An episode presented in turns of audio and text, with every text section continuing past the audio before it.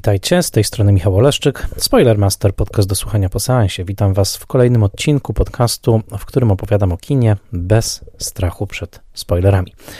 Zapraszam Was do posłuchania odcinka, jeżeli widzieliście już film, o którym mówię, ewentualnie jeżeli nie boicie się spoilerów. Y, ja jestem wykładowcą Wydziału Artes Liberales Uniwersytetu Warszawskiego, ten projekt ma charakter popularyzacyjny. Jego misją jest popularyzacja wysokojakościowej wiedzy o kinie. Projekt powstaje całkowicie po godzinach, wyłącznie dzięki wsparciu patronek i patronów. Jeżeli jesteście zainteresowani takim wsparciem, jeżeli chcecie wesprzeć moją pracę, zachęcam do tego patronite.pl łamane przez Spoiler Master. Można mnie także wesprzeć w serwisie Buy Coffee 2, a o patronach i patronkach, a także o bonusach jeszcze trochę więcej później w odcinku. Zapraszam Was do posłuchania odcinka z cyklu Spoiler Master Classic.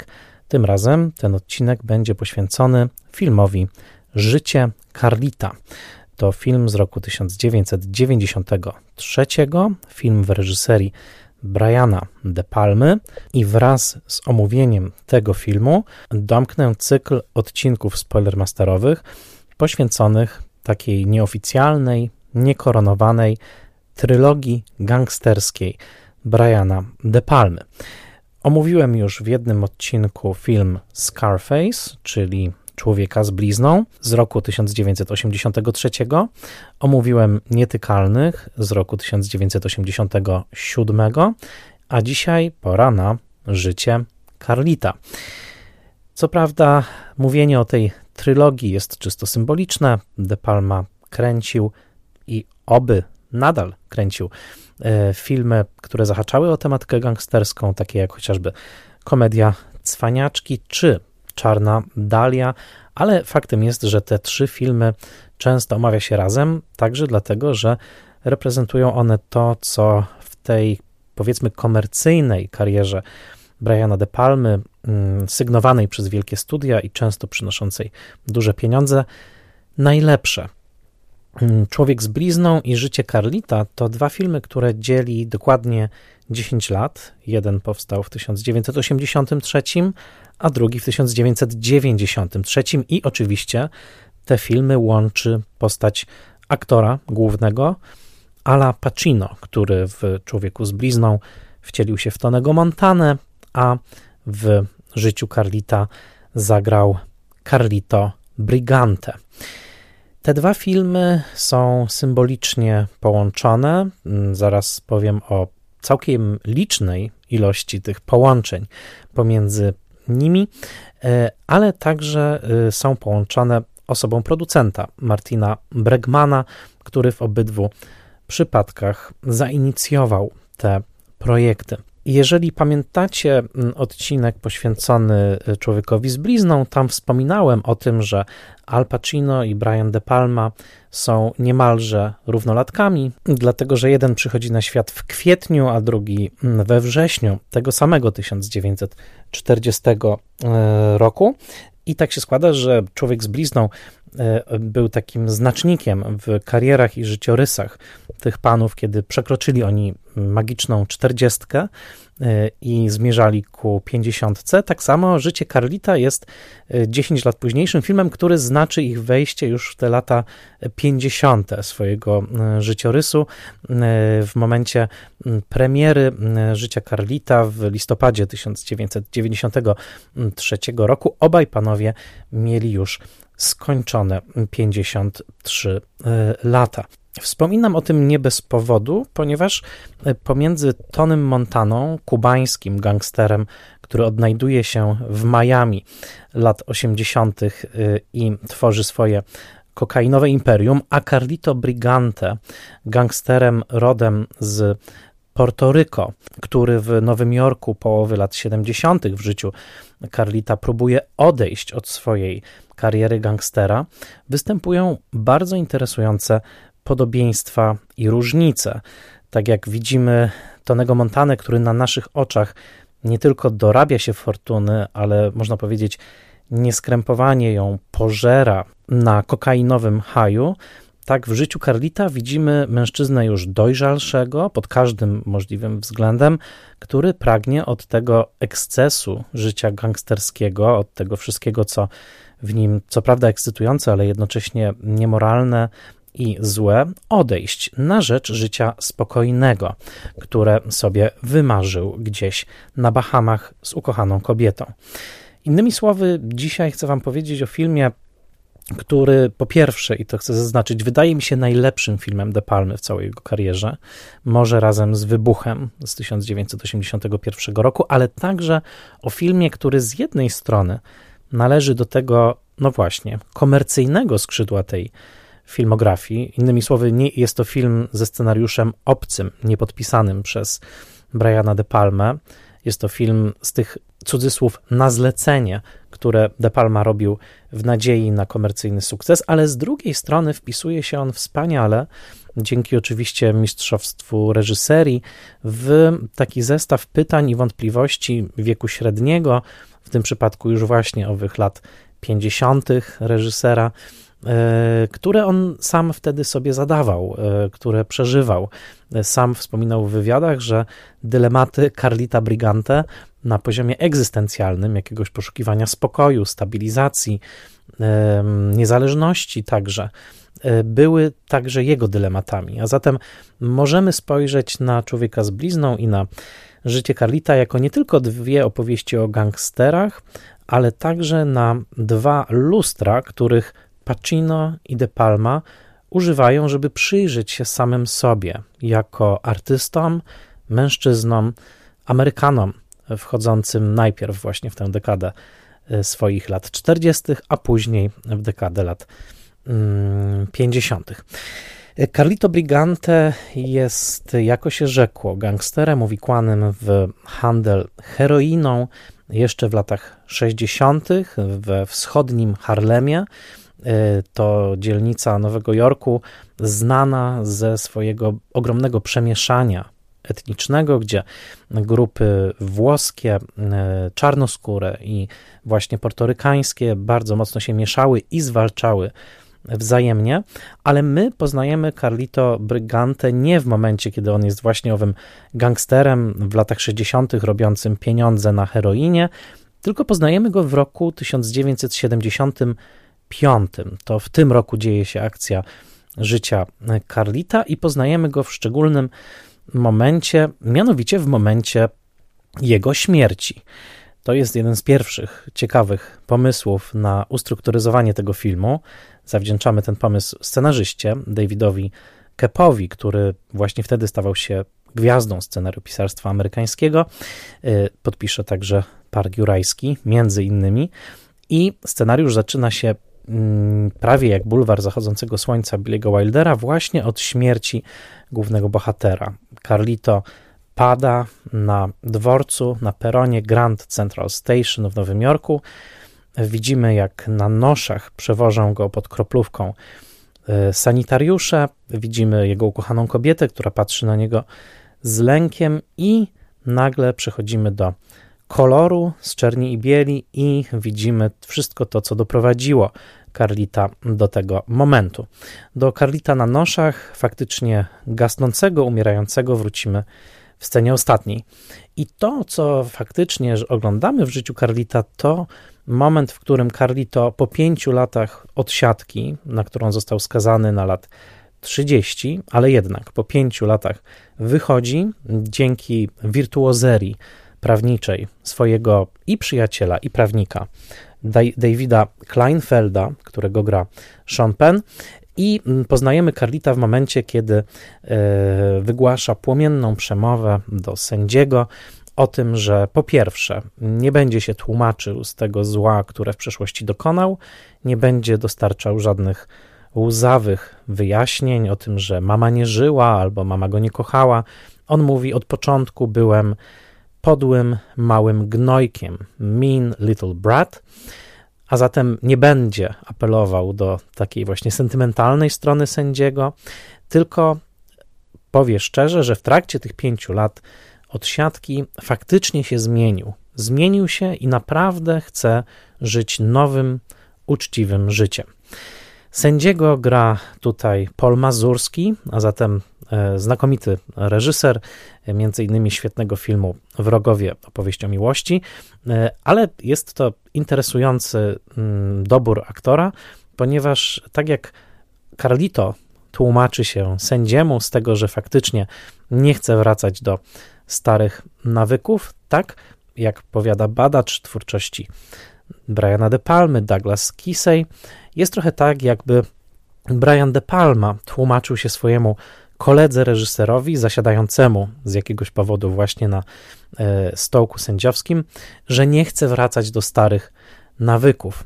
A jako, że sam Brian De Palma powiedział w wywiadach, że na początku nie chciał reżyserować życia Carlita, ponieważ byłby to powrót do bardzo podobnej tematyki, jak właśnie w Człowieku z blizną, to, e, jak twierdzi Douglas Kisey, mamy tutaj ciekawy przypadek reżysera, który właśnie mm, w 52 roku życia, e, po bardzo kontrowersyjnej dla siebie dekadzie, kiedy e, odnosił i sukcesy kasowe, i dotkliwe porażki i był atakowany za nadmierną przemoc w filmach, ten reżyser zdaje się na początku swojego filmu ogłaszać, teraz chce zrobić coś innego.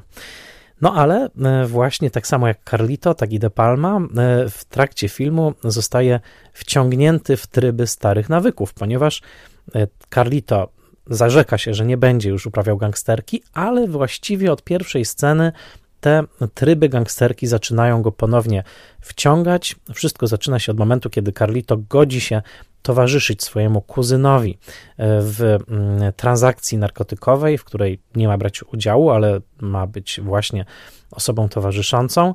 E, no i w trakcie tego mm, dealu dochodzi do strzelaniny. Carlito e, świadkuje śmierci swojego kuzyna, zabija jego morderców i ląduje z 30 tysiącami dolarów, które następnie inwestuje w klub disco, który ma być jego drogą do finansowej niezależności, albowiem kiedy Carlito dołoży wystarczającą ilość pieniędzy, planuje wyjechać na słoneczne Bahamy. I mm, Douglas Kisej wskazuje na to, że właśnie w owej scenie tego dealu narkotykowego gdzieś w piwnicy w wschodnim Harlemie, Carlito zaczyna pokazywać bilardową sztuczkę e, tym zakapiorom e, i zaczyna od słowa nie mogę się powstrzymać, muszę pokazać wam tę sztuczkę. Kisej powiada, że dokładnie tak samo jest w tym filmie z De Palmą, który nie może się powstrzymać i dokładnie tą sztuczką bilardową, która okazuje się e, pewną podpuchą, zasadzką e, e, i następnie przeradza się w bardzo barokową scenę strzelaniny. Tak samo De Palma tutaj mówi swoim widzom, wiecie co, no nie, nie mogę się jednak powstrzymać, zaraz zaserwuję wam klasyczną sekwencję popisową w stylu De Palmy i oczywiście to robi. Sekwencja jest bardzo długa, bardzo rozbudowana, jest w niej ogromna dbałość o pokazanie wszystkich przestrzennych relacji pomiędzy postaciami, e, meblami, e, flagą amerykańską, która symbolicznie wisi w tej e, podłej piwnicy jako niemalże emblemat brudnego biznesu. To mm, chwyt jakby wyjęty z satyry na lata reganowskie, jakie widzieliśmy w Człowieku z blizną. Innymi słowy, tutaj podążam za mm, Douglasem Kiseyem i za jego książką Brian De Palma's Split Screen, Life in Film. De Palma oto pokazuje nam, że on nie potrafi inaczej, że każdy jego film to będzie powrót w te same e, kolejny, w których przede wszystkim reżyser jest zainteresowany popisowymi sekwencjami akcji z bardzo wirtuozersko rozpisanymi e, cięciami, ujęciami kamery, e, muzyką i tak dalej. Dalsza fabuła to właśnie powolne wsiąkanie Carlita z powrotem w nielegalne układy. Z jednej strony rozwija on swój związek z Gail, kobietą graną przez Penelope Ann Miller, z którą miał już relację zanim trafił do więzienia, ale o której marzy, że w końcu uda mu się z nią wyjechać właśnie na owe Bahamy, założyć biznes, wypożyczalnie samochodów i po prostu żyć w spokoju niemalże jak bohater Kieślowskiego, Antek Gralak, który właśnie marzył tylko i wyłącznie o spokoju. No ale tak jak inny bohater Kieślowskiego, Witek Długosz z przypadku, którego film także rozgrywał się pomiędzy jednym a drugim mrugnięciem przedśmiertnym.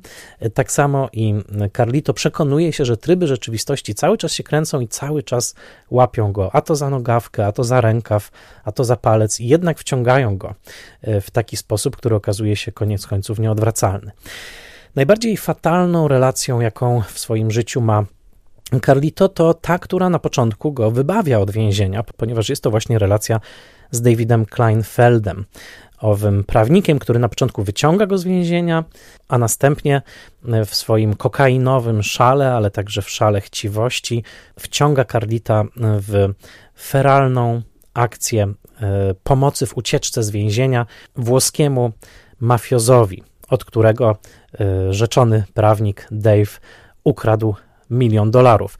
W trakcie owej ucieczki z więzienia, która odbywa się z pomocą łodzi, Dave zabija zarówno owego włoskiego mafioza, jak i jego syna, wciągając tym samym Carlita w krąg włoskiej vendetty, e, która nie ma żadnej litości i tak naprawdę przekreślając możliwość e, Carlita na dalsze szczęście.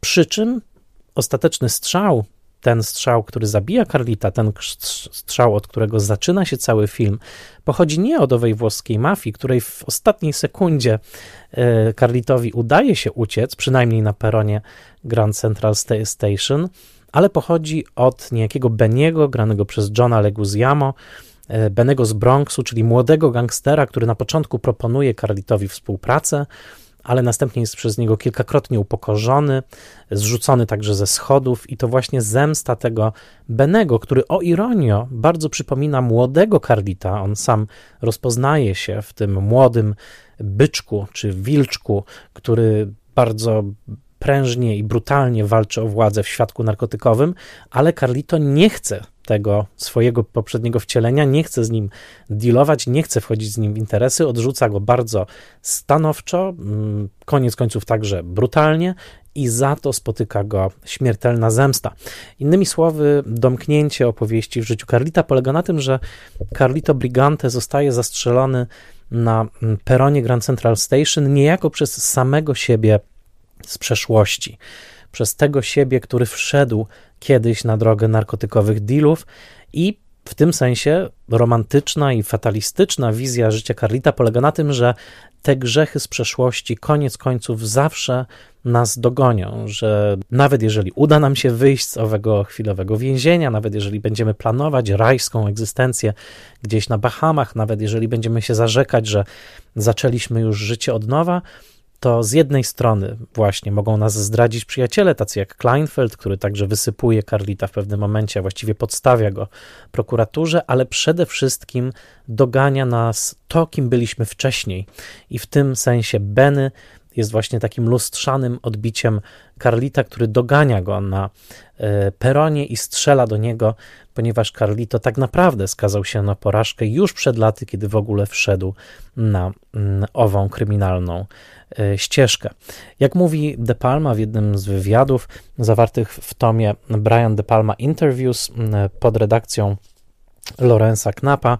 No good deed goes unpunished. To jest oczywiście ironiczne, to znaczy żaden dobry uczynek nie pozostaje bez kary, ale e, faktem jest, że wizja życia Carlita jest nasycona e, fatalizmem i rodzajem niemal biblijnej sprawiedliwości, bardziej nawet niż powieściowa e, podstawa tego filmu, w której Dave Kleinfeld przeżywał w filmie e, Carlito mści się na nim, e, oferując mu rzekomo dla samoobrony e, pistolet, który okazuje się pozbawiony nabojów. To Carlito wyciągnął te naboje parę minut przed wręczeniem rewolweru Dave'owi i moment, w którym Dave orientuje się, konfrontując się z drugim synem mafioza, którego zabił, że w magazynku nie ma już żadnych nabojów, jest dokładnie tym momentem, w którym w popisowym ujęciu widzimy Carlita, jak wyrzuca owe naboje do kosza na śmieci.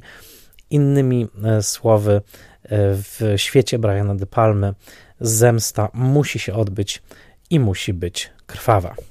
Mm, ta opowieść, e, tak pięknie scenariuszowo rozpisana przez Davida Kepa, nie była jego wymysłem. Życie Carlita jest adaptacją.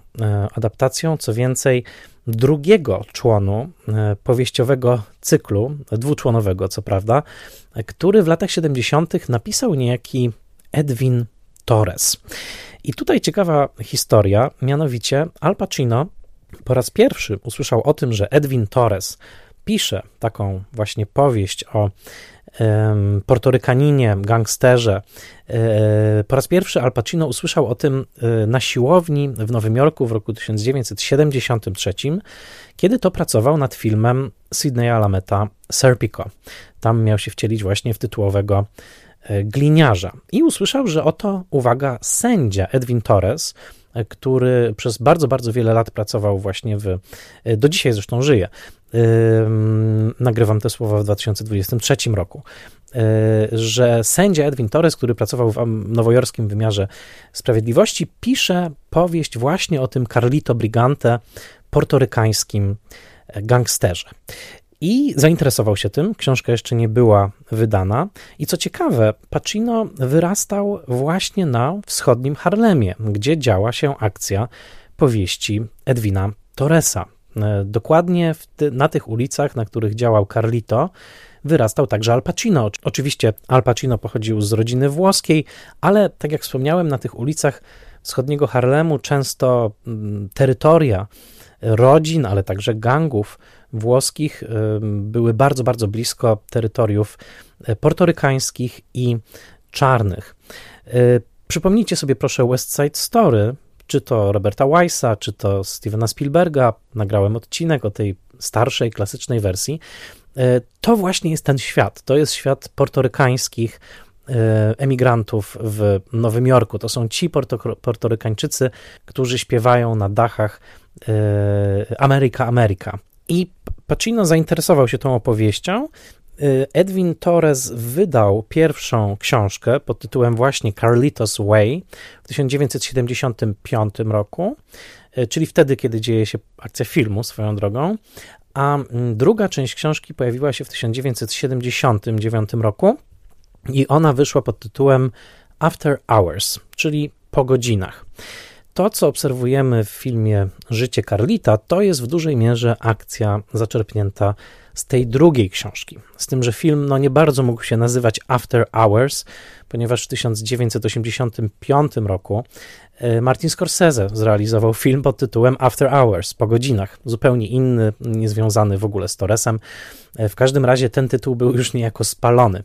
A zatem, mimo że e, film pod tytułem Carlitos Way tak naprawdę ma więcej wspólnego z książką After Hours niż z książką Carlitos Way, Edwina Torresa.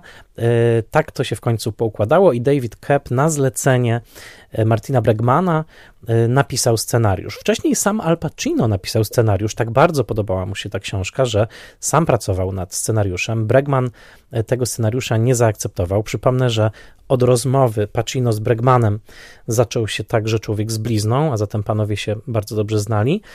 I podobno już w latach 80. były plany jeszcze z innym producentem, żeby ten film zrealizować. Wtedy w Dave'a Kleinfelda, w tego właśnie skorumpowanego prawnika, miał się wcielić Marlon Brando. E, to byłby na pewno e, zupełnie e, inny film. Tak czy siak, proza Edwina Torresa była chwalona przede wszystkim za znajomość realiów. Edwin Torres sam był portorykańczykiem, ponieważ później zaczął pracować właśnie w wymiarze sprawiedliwości, znał i policjantów, i przestępców, i znał świetnie ulice wschodniego Harlemu, Innymi słowy, jego proza pisana właśnie w połowie lat 70. E, wręcz kipiała od obserwacji etnicznych, obyczajowych, takich dosłownie wyrwanych z życia e, e, miasta, z życia Nowego Jorku. A zatem, kiedy w końcu Bregman zdecydował się na realizację tego filmu, można powiedzieć, że Al Pacino dopiął swego, ponieważ już od bardzo, bardzo wielu lat, nawet można powiedzieć od lat 20, był tym zainteresowany, żeby Carlita zagrać. Mówiło się w pewnym momencie o tym, że być może Abel Ferrara będzie reżyserem tego filmu, ale Bregman zdecydował, że zwróci się do Briana De Palmy, którego pierwsza reakcja nie była zbyt dobra, ponieważ czuł, że to będzie wchodzenie do tej samej, a przynajmniej podobnej rzeki, co e, przy człowieku z blizną. ale mm, De Palma szybko zrozumiał, że jest tutaj szansa na mm, trochę inny film. E, przede wszystkim dlatego, że bohater jest inny. Bohater nie jest kimś, kto chce zrealizować ten nieposkromiony, konsumpcyjny amerykański sen, tylko wręcz przeciwnie, ktoś, kto całkiem świadomie z tego snu, przynajmniej w wersji kokainowo e, e, rozbuchanej, rezygnuje na rzecz wizji, wydawałoby się właśnie skromniejszej, zaszytej gdzieś tam na Bahamach, z dala od zgiełku Nowego Jorku i polegającej po prostu na prowadzeniu owej wypożyczalni samochodów u boku ukochanej kobiety. Sam De Palma przeżywał w tamtym czasie, na początku lat 90., trudny okres. Tutaj trzeba wspomnieć o klęskach dwóch jego filmów, e, to znaczy o klęsce kasowej, bo nie artystycznej, filmu Ofiary Wojny, który zrealizował w 1989 roku. To był film o wojnie w Wietnamie, o gwałcie, jakiego dokonali amerykańscy żołnierze na wietnamskiej kobiecie i przede wszystkim o mężczyźnie granym przez Michaela J. Foxa, który e, żyje ze świadomością tego, co widział e, w trakcie tego przestępstwa i tego, że w pewnym momencie zeznaje przed sądem przeciwko swoim e, wojennym kolegom. Ten film był bardzo chwalony przez krytyków.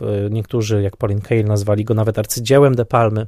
Był jednak porażką kasową a w 1990 roku De Palma poniósł spektakularną kasową porażkę filmem według powieści Toma Wolfa pod tytułem Fajerwerki próżności.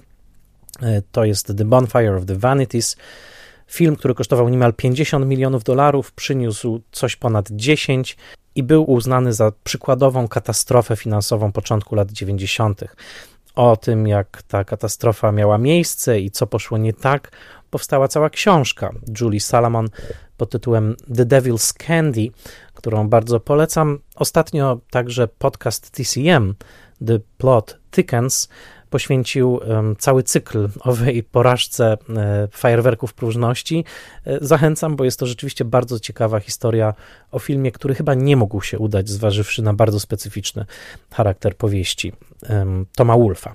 Tak czy siak, po wielkim sukcesie nietykalnych, o którym ostatnio wam opowiadałem, De Palma, no, wchodzi w lata 90. już trochę z podkulonym ogonem.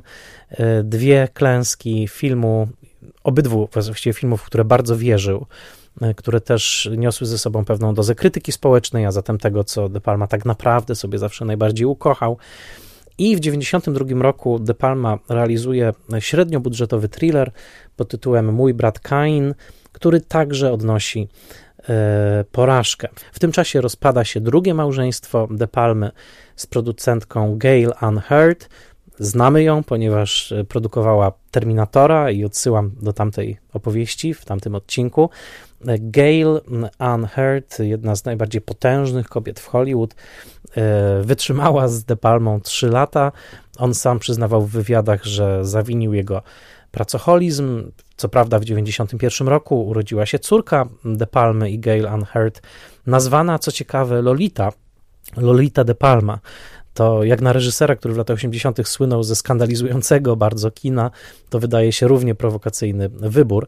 E, w każdym razie poza córką e, małżeństwo okazało się porażką i e, kiedy patrzymy na Ala Pacino i na mm, Carlita, który umiera w życiu Carlita i musi się rozstać z tą wizją idealnego szczęścia z ukochaną kobietą, to pamiętajmy, że przynajmniej część tego bólu, który on czuje, na pewno mieszała się z bólem De Palmy, który sam wtedy rozważał już dwa e, zakończone małżeństwa, bardzo, bardzo wyboistą karierę i ciągłe pytanie o to, czy zostanie zatrudniony do jakiegoś e, kolejnego, kolejnego filmu. Ale w pewnym sensie nie ma tego złego, co by na dobre nie wyszło, ponieważ jeżeli e, tuż po 50 i po ogromnym sukcesie nietykalnych i po dwóch dotkliwych klęskach, jakimi były ofiary wojny, a później fajerwerki próżności, e, De Palma wchodził w tą szóstą dekadę swojego życia z mieszaniną bardzo sprzecznych odczuć, rozczarowania, nadziei i smaku sukcesu, i smaku porażki, i pytania o dalszą przyszłość, to wszystko to wspaniale splotło się właśnie z postacią Carlita i z, nawet z fizycznością samego Ala Pacino, który w tej roli także już zdradza oznaki fizycznego starzenia się i który wchodzi w tę rolę tuż po sukcesie Oscarowym, pierwszym Oscarze, jaki otrzymał za film Zapach Zapach kobiety, ale także z takim pytaniem, jak właśnie kariera Oscarowego już Ala Pacino ma dalej E, przebiegać. De Palma obudował się tutaj swoją e, zaufaną już ekipą na czele z operatorem Stevenem Burumem, którego pamiętamy chociażby z Nietykalnych i z montażystą Billem Pankołem e, i zrobił coś wspaniałego, to znaczy wziął materiał cudzy, scenariusz napisany na podstawie powieści Torresa przez Davida Kepa i natchnął go E, uczuciem. Natchnął go swoją niesłychaną wyobraźnią wizualną i jednocześnie dokładnie tym nastrojem, który dominował w jego życiu, kiedy sam miał 51, 52, 52 lata. I główny pomysł e, estetyczny na e, życie Carlita jest jednocześnie pomysłem na klamrę tego filmu. Film zaczyna się w czerni i bieli, właśnie od sceny postrzelenia Carlita na Grand Central Station, i zaczyna się od prawdziwego baletu kamery Stevena Buruma, która krąży w powietrzu, obraca się wokół własnej osi. Postaci, które widzimy w kadrze, obracają się tak, że widzimy je w pionie, w poziomie, po skosie. Innymi słowy, mamy takie powolne odtworzenie w zwolnionym właśnie tempie ostatnich chwil Carlita przed śmiercią. To wszystko w czerni i bieli. I ostatnim obrazem tej długiej czołówki jest kiczowaty, plakat reklamujący raj. Gdzieś, być może na Florydzie, być może na Bahamach, widzimy takie typowe przedstawienie tropikalnej wyspy z roztańczoną kobietą i palmą na tle zachodzącego słońca. I to jest już w kolorze. I w ten sposób przechodzimy do sceny, do sceny sądowej. E, nie da się nie myśleć, kiedy patrzy się na tą tropikalną wyspę, właśnie z napisem Paradise, o konkretnych obrazach z Człowieka z blizną, gdzie właśnie Tony Montana dokonywał zemsty na swoim szefie Franku, właśnie na tle takiej wielkiej fototapety ukazującej tropikalny raj. Zresztą e, Tony Montana trafia właśnie do Miami z Kuby, a e, w ostatniej scenie i w pierwszej też życia Carlita, Carlito chce właśnie uciekać do Miami e, ze swoją ukochaną kobietą. I już tutaj w tym zestawieniu e, czarno-białych obrazów z tym pierwszym obrazem kolorowym objawia się temat pewnego pragnienia, pewnego marzenia, tego właśnie, żeby życie było w końcu uwolnione od tej walki, od przemocy i żeby znalazło się w jakimś miejscu idyllicznym, być może nawet trochę, e, trochę e, kiczowatym. I ta sama scena śmierci powraca oczywiście na końcu, tym razem jest już w kolorze i samo to zestawienie sekwencji czarno-białej, którą pamiętamy z początku filmu, filmu dodam także długiego, bo dwóch godzinnego, z tą sceną kolorową wywołuje dokładnie ten efekt, o którym De Palma mówił w wywiadzie, że zależało mu na tym, żeby go wywołać, mianowicie efekt déjà vu. Innymi słowy, kiedy Carlito umiera na końcu, to my mamy wrażenie, że to już się raz wydarzyło, w pewnym sensie to rzeczywiście wydarzyło się na naszych oczach, ale w czerni i bieli, więc trochę inaczej. I cały ten efekt życia, które, jak to się powiada, tuż przed śmiercią przemyka nam całe przed oczami, uzyskuje tym samym w finale życia Carlita niesamowity efekt. Ten efekt jest cudownie wspomożony e, rzewną, smyczkową, bardzo romantyczną ilustracją muzyczną Patryka Doyla, która tutaj naprawdę robi bardzo, bardzo dużo w tym filmie i wprowadza w ten film pewien ton elegijny, właśnie żegnania się z życiem, być może żegnania się z młodością w przypadku samego, e, samego De Palmy. I tak jak ten kiczowaty plakat tropikalnej wyspy wskazuje w stronę człowieka z blizną, tak tych e, podobieństw, czy przynajmniej pewnych strzałek, wskazówek, które pokazują w stronę Scarface, jest w tym filmie o wiele więcej. Douglas Kisey w swojej książce pracowicie wylicza powtórzenia i echa, jakie następują w życiu Carlita wobec e, człowieka z blizną. Wspomina na przykład, że oprowadzający e, Carlita po e, jego wyjściu z więzienia, oprowadzający go po jego dawnej dzielnicy, Wolberto, jest grany przez Angela Salazara, który wystąpił także w Człowieku z blizną jako Chichi. Dawny szef narkotykowy Carlita, czyli Rolando, jest grany przez Ala Izraela, który występował jako handlarz narkotyków Hector właśnie w Człowieku z blizną. Tak samo jak klub, którym Carlito zarządza w życiu Carlita nazywa się Raj El Paraiso.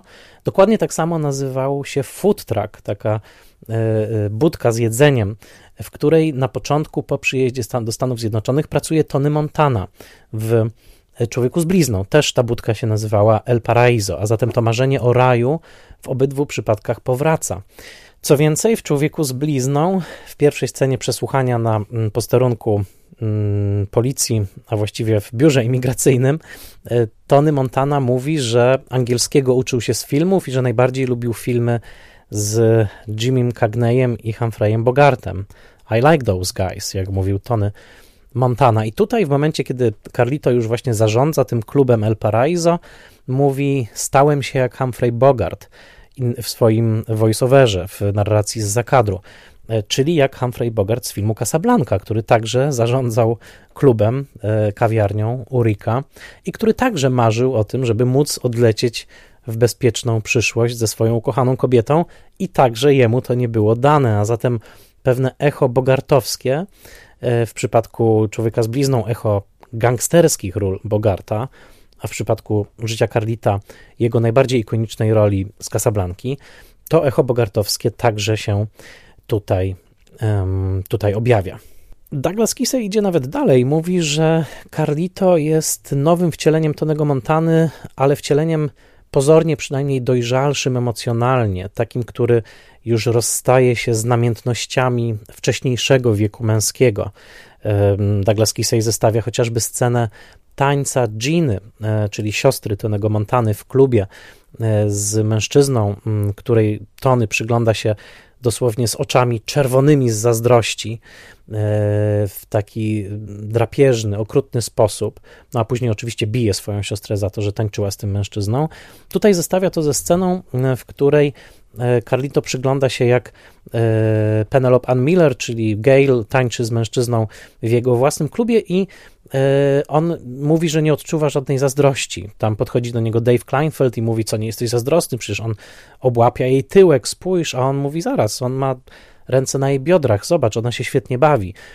Innymi słowy, kolejna scena, która tak wyraźnie kontrastuje ze sceną z e, człowieka, człowieka z blizną. Ale Kisej mówi, że jest to wszystko trochę pozorne. To znaczy, że Carlito jest w pewnym sensie takim właśnie spokojniejszym, dojrzalszym odbiciem Tonego Montany, czyli takim tonym, który uniknął popadnięcia w psychopatologię e, kokainisty i ultrakapitalisty.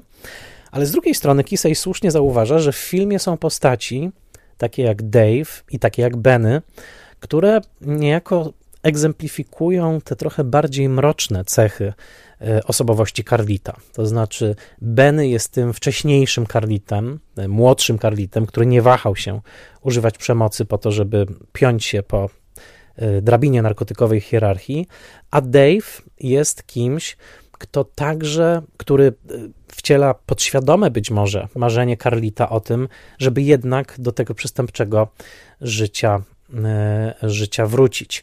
E, dlaczego Carlito godzi się, żeby pojechać z Dave'em, to już oczywiście zostawiam dalsze wnioski Kisejowi i zachęcam do zaglądnięcia do jego, do jego książki, ale faktycznie jest coś fascynującego w tym, że w e, życiu Carlita sam De Palma mierzy się z tropami, obrazami, scenami z człowieka z blizną i gra i wygrywa je na innej nucie. Tak jak człowiek z blizną był o takiej, można powiedzieć, męskości ultradrapieżnej, o mężczyźnie, który musi mieć wszystko i teraz, i zaraz, i y, będzie szedł po trupach do tego celu, tak w Carlito widzimy mężczyznę, który cofa się o krok, który mówi, że jedyną rzeczą wartą dążenia jest właśnie ów spokojny byt u boku y, ukochanej ukochanej kobiety. No i właśnie, skoro mówimy o tej kobiecie, to jest nią tutaj Penelope Ann Miller e, w roli Gail. E, tutaj oczywiście zbieżność imion Gail, e, żony De Palmy i bohaterki Gail, troszkę inaczej pisane są te imiona, ale jednak jest cudownie freudowska. Oczywiście jest to przypadek, ponieważ postać Gail znajduje się już w powieści Torresa z 79 roku, ale tak czy siak nie umiem sobie wyobrazić, żeby De Palma reżyserując E, Pacino, który mówi te linijki dialogu właśnie z taką tęsknotą i często romantycznym wyrzutem w stronę Gail, nie czuł przynajmniej częściowo, że jest to o nim. Dowodem może być to chociażby, że w powieści e, Carlito spotyka się z Gail e, na, mm, właśnie w Harlemie przy ulicy 212, gdzie ona jest zresztą nauczycielką a tutaj e, oni idą do, w filmie idą do kawiarenki przy 10 ulicy i 6 Alei, czyli dokładnie w dzielnicy, w której mieszkał De Palma. On o tym mówi w wywiadzie na płycie Blu-ray, że to jest dokładnie to, gdzie on mieszkał. I tak sobie myślę, że być może dokładnie do takich kawiarenek e, Brian De Palma chodził z Gail Ann. Mm, tak czy owak, Gail, grana przez Penelope Ann Miller, jest tutaj tancerką, baletnicą, która ma także drugie wcielenie, mianowicie stripteaserki. Ona marzyła o tym, żeby występować na Broadwayu, występować w prestiżowych produkcjach, ale jej życie się potoczyło tak, że pracuje w klubie ze stripteasem i co prawda tutaj De Palma nie ocenia w sposób negatywny tego zawodu, chociaż Carlito przez moment wydaje się, że, że tak, ale to też nie jest tutaj bardzo, bardzo rozwinięte. Ale Przede wszystkim kluczowa scena, która też mówi bardzo dużo o De Palmie, o tym, jak on być może dojrzał, być może też jak mm, rozwija pewien temat mm, obecny w swojej twórczości. Otóż przepiękna scena znajduje, rozgrywa się na dachu nowojorskiej kamienicy, kiedy to w deszczu Carlito wchodzi właśnie na dach, przykrywa głowę, uwaga, pokrywą z e, kubła na śmieci, taką metalową, trochę jak parasolem, i właśnie w takiej żałosnej pozycji, przemoczony e, dosłownie jak śmieciarz, ponieważ ma nad sobą ten, e, tą pokrywę śmieciową, przygląda się w takim totalnym zadziwieniu, zachwycie, rozkochaniu. Przygląda się Gail, która e, ćwiczy układ taneczny, układ baletowy w studio tanecznym w budynku naprzeciwko. I ten moment jest ultra depalmowski. To znaczy moment, w którym mężczyzna podgląda kobietę przez okno, e, spojrzenie jako takie, to odsyła i do Hitchcocka, i do okna na podwórze, i do wielu Hitchcockowskich momentów. I oczywiście odsyła to także do samego De Palmy. E, ten moment jest rozegrany w sposób absolutnie czysty, liryczny. Mimo, że Carlito jest de facto w tej scenie podglądaczem, to dla De Palmy jest podglądaczem romantycznym, a Gail jest niemalże aniołem, tańczącym e, właśnie w owym studio do słynnego duetu kwiatów e, francuskiego kompozytora e, Leo Delibes, który napisał operę Lakme w 1883 roku. Posłuchajcie tego fragmentu, to jest jeden z najsłynniejszych w ogóle duetów operowych. Ja musiałem sprawdzić to mm, w internecie, co to za melodia, którą ja znam przecież świetnie z tylu filmów, między innymi z prawdziwego romansu Tonego Scotta, a to właśnie Lakme i duet kwiatów.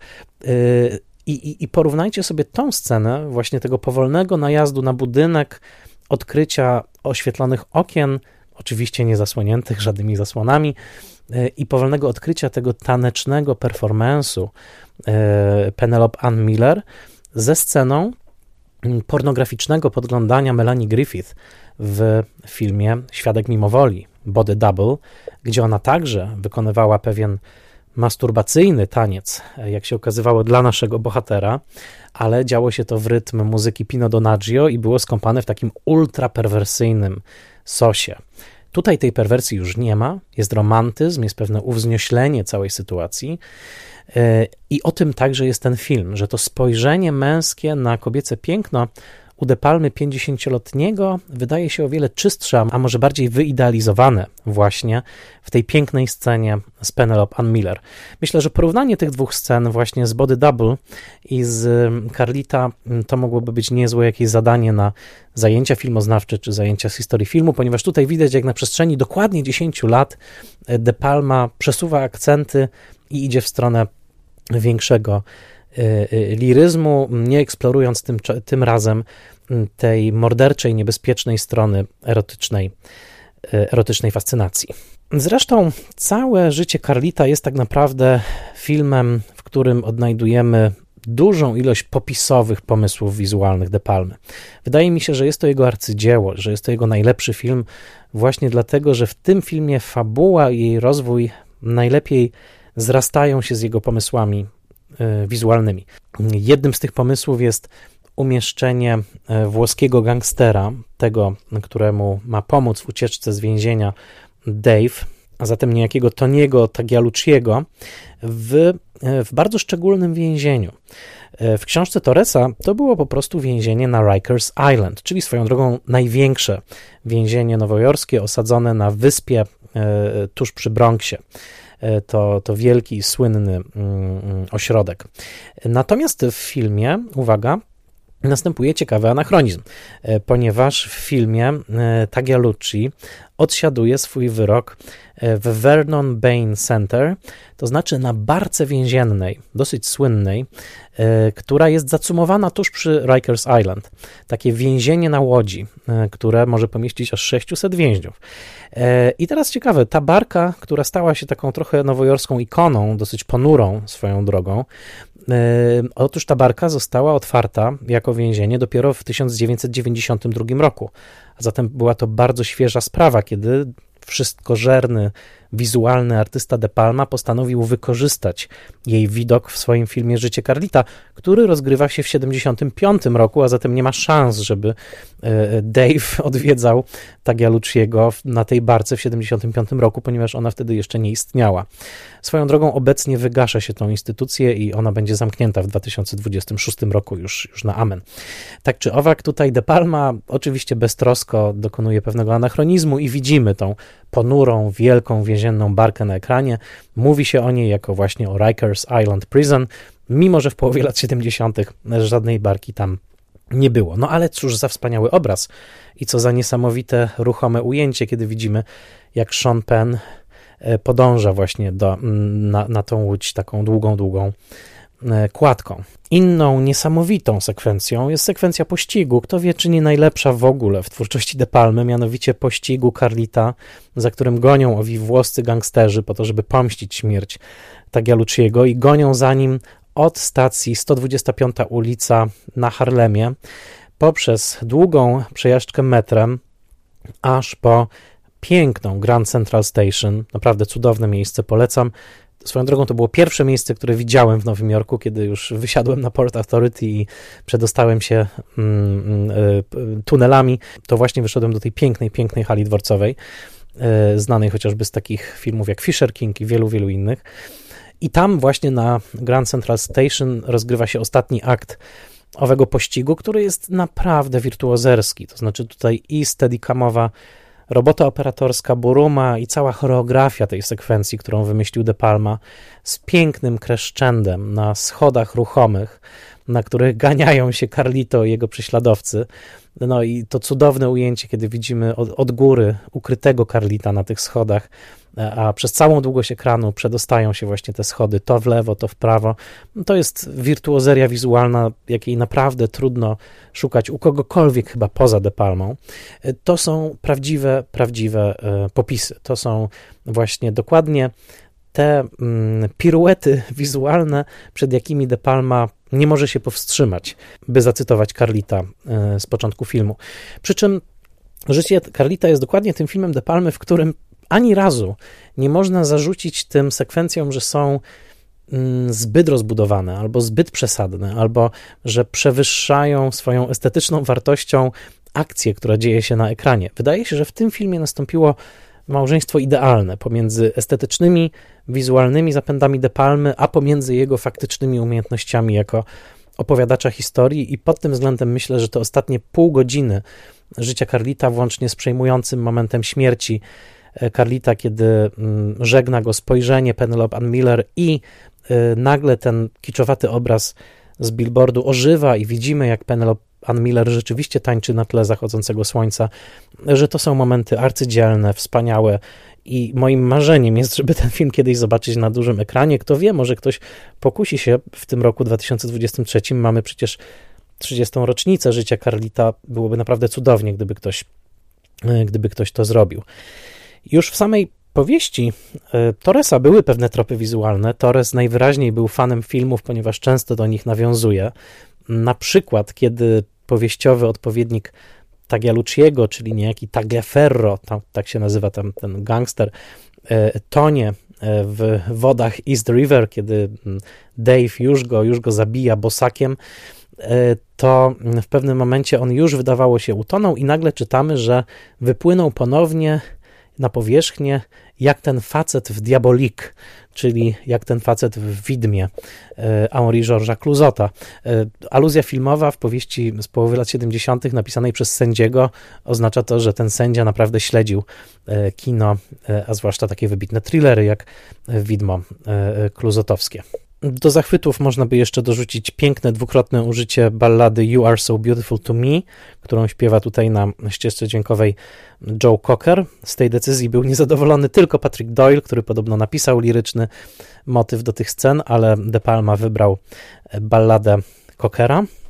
I na pewno warto e, jeszcze doliczyć do owych zachwytów sposób, w jaki De Palma odtworzył kulturę disco z połowy lat 70., między innymi pomagając zaprojektować klub El Paraíso, e, który jest zaprojektowany z licznymi e, balustradami i kołami ratunkowymi, które, jak sam De Palma mówił, miały przywodzić na myśl łódź albo statek, ponieważ Carlito marzy, żeby odpłynąć na Wyspy Szczęśliwe, a zatem już ten jego klub jest takim pierwszym scenograficznym e, znakiem owego, e, owego marzenia. Mm, najsmutniejsze w tej całej e, historii, zwłaszcza jeżeli odczuliście skalę mojego zachwytu tym filmem, Doliczyć trzeba oczywiście świetne role, być może w ogóle jedną z najlepszych ról Shona Pena, fantastycznego Pacino, który co prawda nie jest portorykańczykiem, co dzisiaj pewnie by było problemem, ale y, myślę, że to jego wychowanie we wschodnim Harlemie i także korzenie y, niełaspowskie jednak uprawniają go do zagrania tej roli. Otóż najsmutniejsze w tym wszystkim jest to, że film okazał się może nie tyle porażką, ale nie był takim sukcesem, jakim, jakiego się spodziewano. E, recenzenci przyjęli go w sposób mieszany, co niewiarygodne, nie dostał żadnej nominacji do Oscara. Jest to szokujące, ale tak świetna robota i montażysty, i operatora, i aktorów naprawdę zasługiwała na to. Sam De Palma wieszczył swojej ekipie, że nie będzie żadnych nominacji.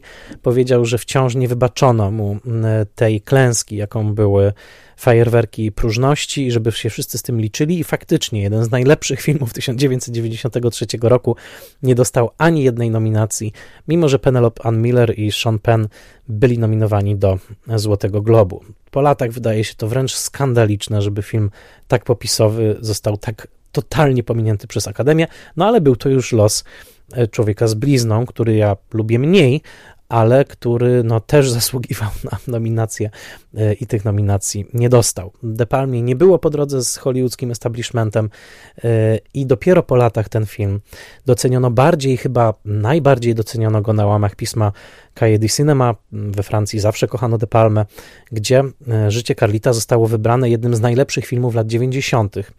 Dodam i słusznie. Sam De Palma później będzie kręcił oczywiście dalej i mam nadzieję kiedyś opowiedzieć o jego późniejszej karierze, tym bardziej, że w latach 2000 wchodzi ona w taki bardzo ciekawy, manierystyczny e, okres. Ten reżyser, który zasłynął między innymi wspaniałymi scenami rozgrywającymi się na schodach chicagowskiego Union Station, czy na ruchomych schodach Grand Central Station, po latach nakręci brawurową sekwencję e, grozy i akcji na kaneńskich schodach Palais de Festival w trakcie festiwalu kaneńskiego, co będzie wspaniałym autotematycznym e, żartem. Zresztą on później na jakiś czas zamieszka, e, zamieszka we Francji, ale to już jest trochę inna inna historia. Ważne jest to, że Adepalmie tuż po Karlicie udało się powrócić do kina komercyjnego Mission Impossible. To jest jego film z 1996 roku. Tak jak Nietykalni byli trochę adaptacją serialu z lat 60., tak Mission Impossible było także adaptacją serialu z lat 60., przy czym Mission Impossible okaże się mega hitem i żaden film De Palmy nie zarobi tyle, co właśnie Mission Impossible. A jak to się stało, że De Palma wyreżyserował Mission Impossible? Otóż Tom Cruise któregoś dnia obejrzał Życie Carlita. A jako, że Tom Cruise był także producentem, a nie tylko gwiazdą Mission Impossible, powiedział, że chce tego faceta, tego faceta, który wyreżyserował ten świetny film Carlito's Way. I to jest właśnie paradoks De Palmy, zawieszonego między tymi projektami bardziej komercyjnymi i autorskimi, że czasami on trafia w dziesiątkę dokładnie, kiedy jest zawieszony pomiędzy tymi światami. No a tutaj przy okazji w swoim arcydziełem, czyli życiem Carlita, zjednał sobie także Toma Cruza, czemu zawdzięcza najbardziej intratne e, zlecenie całego swojego życia, jakim okazało się właśnie Mission Impossible. Jeszcze, już tylko jako ciekawostkę, co prawda, ale dodajmy, że w 2005 roku powstał prequel do życia Carlita, mianowicie Życie Carlita Początek. Carlito's Way Rise to Power, wyreżyserowany przez Michaela Bregmana, czyli syna e, Martina Bregmana, producenta e, Człowieka z blizną i życia Carlita. Film który nie jest na żaden sposób wybitny. Został właściwie od razu skierowany do dystrybucji DVD. Tam w Carlita wcielił się Jay Hernandez i jest to film, który opowiada o tych wydarzeniach z pierwszej książki Torresa, czyli dzieje się w latach 60. w Harlemie e, i pokazuje właśnie walkę o, o, o władzę w tym biznesie heroinowym. E, jest to film, e, który dla nas może być interesujący z dwóch powodów. Po pierwsze, dlatego, że faktycznie opowiada te losy, które Torres opisał dla swojego bohatera, zresztą Torres zaakceptował film, powiedział, że mu się podobał. A po drugie, za zdjęcia odpowiada tam Adam Hollander, e, gość Spoilermastera. Odsyłam do odcinka o Nocnym Kowboju Johna Schlesingera. E, tamten film sfotografował także Adam Hollander i tutaj tenże operator podpisał także Życie Karlita Początek.